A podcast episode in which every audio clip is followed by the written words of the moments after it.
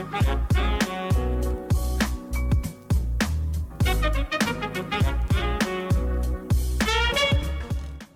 och varmt välkomna till Vargen i Valla avsnitt 14 Jag sitter här i BG-rummet, a.k.a. studion tillsammans med eh, två eminenta ekonomistudenter tillika podcasters eh, Först ut har vi Erik Give me a weo Wow.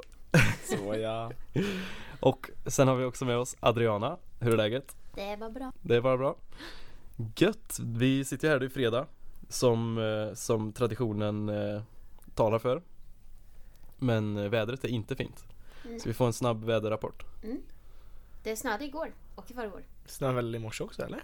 Jag tror det, lite halvblandat. Jag är cyklade till föreläsning 10.15 Ja, Jag var blöt när jag kom fram ja okej. Mm. Ja den är, den är tråkig. Sitta där i föreläsningssalen blöt, sur Jämfört med zoom liksom. Nu visar det sig vad som faktiskt är skönt. Saknar distansen alltså. Alltså. Fan vad gött det var alltså. Just föreläsningen i alla fall. Föreläsningen var alltså dröm. Jag gick alltid upp, började vi, ja men började vi 10.15 Mm. Reser ur sängen 10.12 liksom. 10, 14, 52 Ja, typ. Och så bara, man har ju så här inte ens stängt av datorn man drar bara upp locket så bara.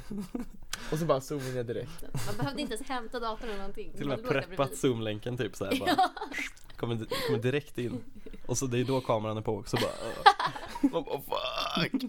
Man är för trött, det tar så här fem sekunder för att inse också, man bara shit. Så Istället för att klicka på liksom stänga av kameran så håller man fingret framför. Så hade jag en lärare som gjorde, hon visste det inte hur man stängde av kameran. Åh nej. Så när hon såg att kameran var på liksom, min föreläsning skulle börja satte hon sitt finger framför kameran. Nej, men, Så såhär bara, nu ser ni.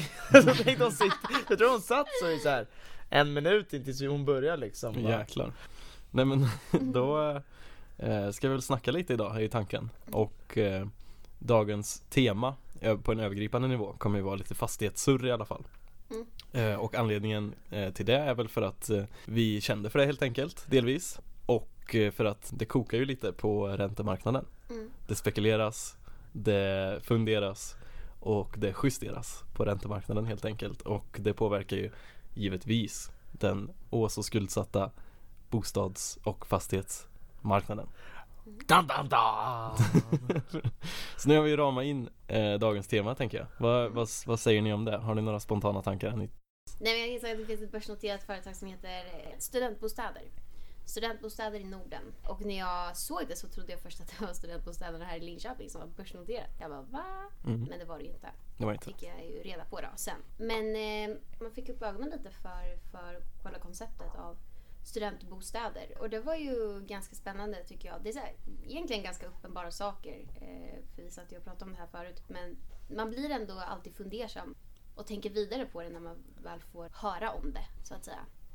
Eh, så jag satt ju och lyssnade på en intervju med VDn. Mm. Då så förklarade hon lite om varför det är, alltså varför det är ett så... Varför de siktar på just studentbostäder snarare än Ja. vanliga. Ja, Ja. För det ska ge en huge growth och Generera alpha.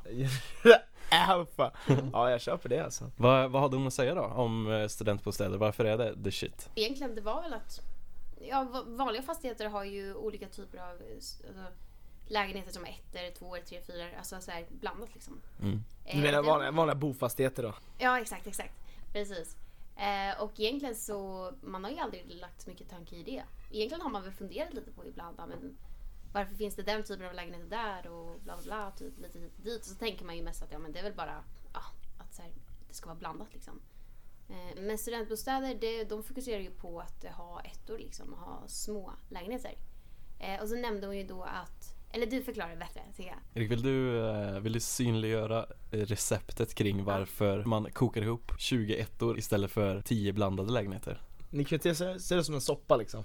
Om du bara lägger i vatten, då blir det inte så bra. Nu har du lite salt, peppar, kryddor, morötter. Fler ingredienser.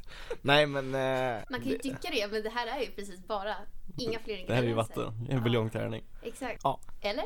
Eller? Nej, men jag ska förklara på riktigt. eh, om jag säger så här att du har en hyreshus på 500 kvadratmeter eh, och du väljer att göra fem stycken 100, 100 kvadratmeters lägenheter. Eh, och du kanske hyr ut dem för 10 000 i månaden. Men du kan ju också välja att göra 10 stycken 25 kvadratmeters lägenheter. Eh, så det som hände då är att istället för att ha samma kvadratmeterspris, vilket hade varit att ta 5000 per 25 kvadratmeters lägenhet, så kanske du kan ta 6000. Så får du ju, ja, på dina lägenheter ännu mer intäkter. Du kanske har lite mer kostnader i början, du kanske behöver ett till, eller dubbelt så många kök, kanske fler ugnar, spisar, diskmaskiner, kanske tvättmaskin, vem vet? Mer eh, uttag, lite mer väggar. Men i långa loppet så är det ju här bättre. Och sen så kan man ju få in lite ESG-tänk på det hela också. Det blir ju så att, alltså, det är ofta svårt för studenter att få boende. Det är ofta dyrt. Det är ofta långa köer och liknande. Så att få in att liksom ett mindre boende som är anpassat för en viss målgrupp är ju bra för samhället i stort. Enkelt att få bostad, ha CSN som backup. Ehm, Så det, det är fint. Mm. Alltså det är en bra affärsidé tycker jag. Alltså jag tycker, ja. Verkligen. Alltså, men det är ju också precis som du säger. Det låter ju som att det borde vara mycket sämre. Alltså det låter som att det borde vara det. Så du Att ha massa ettor fler- tänker du? Exakt, massa ettor. Du måste ha alltså, massa kök, massa badrum. Det är ju det som är dyrt. Mm. Och sen så liksom är det en fastighet där du- ska ha liksom många fler sådana än en, en vanlig fastighet. Liksom. Mm. Det som man tänker på med studentbostäder också, det är att Alltså du kanske inte, du gör inte så mycket premiumgrejer. Kolla liksom flamman. Dörrarna pajar ju typ genom att alltså, stänga dem. Jag pajade ju Vanholms dörr. Han vet inte om den, man kanske vet om han någon gång lyssnar på podden. Eh, ett till kök eller ett till badrum behöver ju inte kosta Så Jättemycket. mycket. Nej. Nej, Alltså du kommer ju gå, återigen på lång sikt, kommer det ju bli värt det för dig. Mm. Med den extra månadsavgiften du kan ta per kvadratmeter då. Exakt. Så, men det är också, det är lite där den här korridorsmodellen kommer in i bilden också då. Eh, som Flamman exempelvis. Mm. Där man kanske har tio lägenheter, eh, ett kök som använder lika mycket material som fyra kök för ettor typ. Mm. Så att man slår ut det på, på många fler eh, eh, lägenheter helt enkelt. Mm. Men när man, när man kollar på fastigheter då, för det är lite där vi var inne på, eller som du var på väg till här Erik, med, med att man helt enkelt kan få fler, eh, fler eh, hyresintäkter. Eller fler hyresgäster med lite lägre hyror per, per varje lägenhet. Ehm, det handlar väl egentligen om att maximera sin intäkt per kvadratmeter kan man väl säga, eller? Mm. Som fan. Så liksom nyckeltalen inom fastighetsmarknaden är ju kopplade till eh, kvadratmetrarna mycket Mm. egentligen. Mm. Belåning per kvadratmeter, kanske hyresintäkt per kvadratmeter. Mm. Ehm, Kvadratmeterspris är jättevanligt att kolla på när du köper liksom Om vi skulle köpa en bostad så är det många som kollar jämfört kvadratmeterspris mm, Jämfört med andra eh, bostäder som kanske sålt samma hus eller liknande mm, mm. Mm. Och skuldsättningen per kvadratmeter är jätteviktig Ja eh, om man ska köpa bostadsrätt exempelvis. mm. För då kan man ju eh, se hur räntekänslig föreningen är. Om inte Mm. de har bunden ränta typ över jättelång tid. Men eh, Okej. så ligger det till. Mm. Men det finns mycket man kan lära sig där Ja, faktiskt. det är ju Ja. någonting som kommer påverka oss alla. Eller som Ja. påverkar oss alla. Exakt. Vare sig man vill eller inte. Så det är ju bara att läsa på och, och försöka hänga med. Mm. Men verkligen. Alla aspekter av, av det man läser inom ekonomi. Då. Nej men det var ja. Eh, ja, nej men verkligen. Jag tycker det är intressant. Och så är, det handlar ju också om att man, man sköter rätt där med kostnader. Man inser ju verkligen hur ja, men budgetering och hur man jobbar bakom företagen. Det som vi inte ser, hur, hur viktigt det är liksom. verkligen Mm. välskötta bolag. Ja men exakt. Eh, vi, vi hade någon mer anekdot här, eh, för vi ska väl vara eh, ärliga kanske och säga att eh, vi har ju faktiskt spelat in ett avsnitt redan. Eh, men vi glömde trycka på record, eller någonting hände eh, med inspelningen. Men vi hade ytterligare en anekdot som är kopplad till fastighetsmarknaden och lite redovisningsprinciper principer och standarder.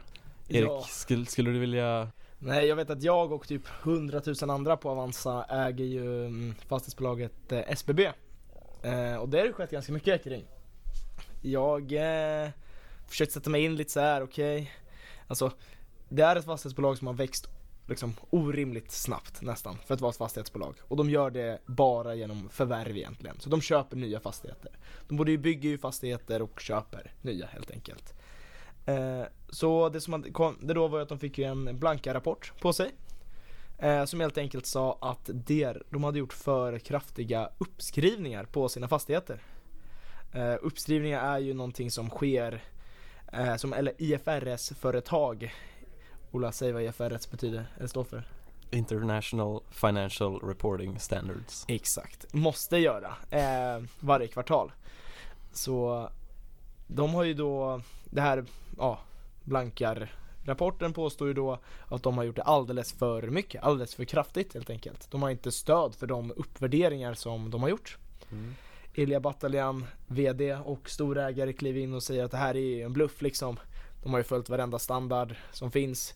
Man ska ju antingen ta ett marknadspris eller ta det diskonterade kassaflödet för något år framåt. Jag vet inte exakt vad det är. Men, eh, och de säger att de har följt de här reglerna. Eh, Och det var ju, ja, aktien hoppade lite fram och tillbaka. Den har ju varit uppe i 55 kronor tror jag nu, så den står i 40. Eh, Och nu i senaste dagarna så kom de ju fram till att de gjorde faktiskt sin första nedskrivning. Alltså att bolagets tillgångar var värda mindre eh, det här kvartalet än förra. Mm. Mm. Och det är ju väldigt speciellt för SBB som har haft sån otrolig tillväxt. Mm. Och vi kom ju fram till att anledningen då till att det såg ut som att de hade sån otrolig tillväxt var ju på grund av det här då. Ja, alltså omvärdering och eh, uppskrivningar. Just det. Eh, och det är ju, vi diskuterar lite, alltså bolagen måste ju göra uppskrivningar för att det ska ge en rättvisande bild till aktieägarna. Mm. Och då blir ju frågan, för att om jag köper en fastighet för 10 år sedan som var värd en miljon och så nu är den värd 10. Mm. Liksom, då måste ju bolaget, eller jag som äger den liksom ha större tillgångar helt enkelt. Jag kan ju inte ha rapporterat att jag bara äger en. Mm. Det kan man ju faktiskt göra exempelvis om man har bolån. Om några, så om man vill utöka sitt bolån så kan man göra en omvärdering på sin bostadsrätt. Exakt. Så det är ju, ja så då blir ju frågan här ifall SBB har gjort överdrivna alltså omvärderingar, uppskrivningar eller om de har följt en standard. Mm. Hur som helst då valde de att skriva ner inför det här. Just Mm. det. Och sen så kommer vi då in på det där viktiga begreppet också, substansvärde. Ja, Exakt. i en sån här blanka rapport som du pratade om Mm. eh, Där de är skeptiska till eh, SBBs uppskrivningar Det de är skeptiska till då Är ju då egentligen ehm, deras substansvärde som de redovisar, eller hur? Ja. För att de anser att de har liksom dopat sitt, sub, sitt eh, substansvärde genom att eh, ta sig lite för många friheter när de eh, värderar sina fastigheter Och så skriver de upp, upp, upp, upp, upp att de bara ökar i värde hela Mm. tiden Det är de, om ni vill veta på detalj, så det de gör är att eh, SBB har ju diskonterat sitt kassaflöde eh, längre fram och då använder man ju någonting som heter, eh, ja men en, en räntesats, vad är det den heter? Kalkylräntan. Ja, kanske kalkylräntan. Eh, Riskpremie Ja, de använder i alla fall en ränta för att beräkna det här helt enkelt. Eh, och då har de använt en väldigt låg ränta. Mhm. Så att eh, de räknar inte med att, ja de ha, hade De- de använt en marknadsmässigt standardränta som jag tror var på 4% eller någonting i fastighetsbolag Ah, okej. så hade de fått ett helt annat Mm. värde men de har använt 3,5 eller något sånt där. Mm. Och då får man ju, med tanke på att det är så många fastigheter, de äger en stor skillnad Just det. i vad fastigheterna är värda. Så de hade ju faktiskt följt reglerna men de hade tagit i lite på vilken eh, ränta eller avkastningskrav På de hade. den diskonterade kassaflödesanalysen. Mm. För eh, syftet med en, med en sån är ju egentligen att eh, Att eh, förutspå framtida kassaflöden och sätta ett nuvärdespris på dem Mm. Och fifflar man för mycket med räntesatsen då så är det klart att det ser väldigt eh, Eller fiff, man ska inte Ja. kalla det fiffel, det är ett värderat ord, jag är inte så insatt Men liksom pillar man mycket med räntan då så påverkar det ju kalkylen, Mm. absolut Exakt. Och eh, då kanske de här eh, nuvärdes eh. Ja. ser, ser högre ut helt enkelt För att man diskonterar det med betydligt mindre eh, En betydligt lägre sats Precis. Men om man nu, om vi nu säger i alla fall och ponerar att man kan förlita sig på eh. Du ska kunna förlita dig på det. Alltså du, du, det, du, ja. du gör det. Exakt. Så Det är är därför det. de här IFRS och de här finns liksom och det är därför revisionsbranschen är så, Mm. är så stor och så eh, byråkratisk kanske Men eh, det finns ju ett syfte med det också såklart Precis, precis. Så att eh, ja, så i vanliga fall då i alla fall så ska man ju kolla på Alltså så som jag har förstått det och så som jag läste i någon artikel eh, Jag tror det var börskoll.se kanske det var Där står det i alla fall att du kan ta eh, priset på aktien och jämföra det då med substansvärdet eh, på, en, Per aktie. På, per aktie. Och då så kan du ju ha priset på aktie som en slags utgångspunkt. Mm. Och det är väl så egentligen du kollar ifall du handlar till premie eller ifall du handlar till rabatt. Precis. Och där gillar jag, till skillnad från vanliga aktier, där du egentligen bara, om du nu ska kolla på det absolut vanligaste nyckeltalet då, så kollar du på P tal Men då måste du själv ha en uppfattning om vad som är ett rimligt P tal Mm. Och bara det kan ju också skilja sig då. Men här har du ju någonting mer att förhålla dig till. Men om man då eh, Om man då köper ett, eh, ett bolag, fastighetsbolag kanske Till en substanspremie eh, Det vill säga att man betalar ett högre pris än substansvärdet, tillgångarnas eh, värde. Är man då Är det dumt liksom? Är man en dålig investerare då? Eller? Nej. Nej men precis. Nej, nej, för att det fungerar ju på samma sätt som, som eh, P-tal. Det är fortfarande att du skulle kunna ha vissa förhoppningar eller tänka dig att ja men jag tror det här kommer hända och därför så är jag beredd att betala högre. Och si och så. Precis som när man handlar till ett lågt P-tal så skulle det betyda att marknaden tror inte på företaget men du kanske tror på företaget. Mm, Ehm, mm, Ja. precis eh, man kanske tror på... Kanske finns något starkt varumärke Kanske har bara nybyggda fastigheter Och Mm. då tänker man att eh, Mindre renoveringsbehov i framtiden. Precis Mindre Mm. kostnader då. Det blir bara intäkter 20 år framöver Ja. Typ, lite sådär Så att det är ju där den här äh, ökända subjektiviteten kommer in liksom Mm. För om man, eh, om man då har ett eh, fastighetsbolag med en eh, Med en substansrabatt då Mm. Då, eh, då är man ju inte automatiskt en eh, En duktig investerare bara för att man köper det heller kanske Nej, precis. För det kan ju finnas eh, god anledning Vi snackade ju lite om eh, Om hotellbranschen tidigare Mm. Och då eh, under pandemin så fanns det Substansrabatt va? Det var en kraftig substansrabatt på Pandox heter de ju. Som, eh, ja, de äger många hotell. Eh, så typ Scandic eller liknande kan hyra fastigheten av Mhm. Pandox. Okej Och för jag tänkte nämna Scandic nu men det, de är alltså lite hyresgäster De gör både och. Scandic okej. har, eh, De har en del fastigheter också andra fastigheter också. Okej. Eller hyr in sig. Men även andra företag finns ju. mm. Eh, på så sätt, så då hade ju de under Corona exempelvis Så är det ju inte så många som bodde på hotell Och då tänker ju många att ja, fan då kommer ju inte Pandox få sina Eller blir en risk att äga Pandox eftersom hotellen som hyr in sig på deras fastigheter Kommer inte få sina intäkter och de kommer inte betala Pandox och så kommer de stå utan hyresgäster för där är ju varje kund otroligt mycket värd Mm. Det är inte så att om du äger om en Balder som har otroligt mycket hyresfastigheter att en hyresgäst inte kan betala, ja, Balder kommer överleva. Mm. Men säger vi att en gäst för Pandox kanske inte kommer överleva, ja då, då kommer det synas i Pandox resultaträkning helt enkelt. Mm. Just det. Verkligen Mm, Ja för det kan ju vara hela kvarter eller eh, Mm.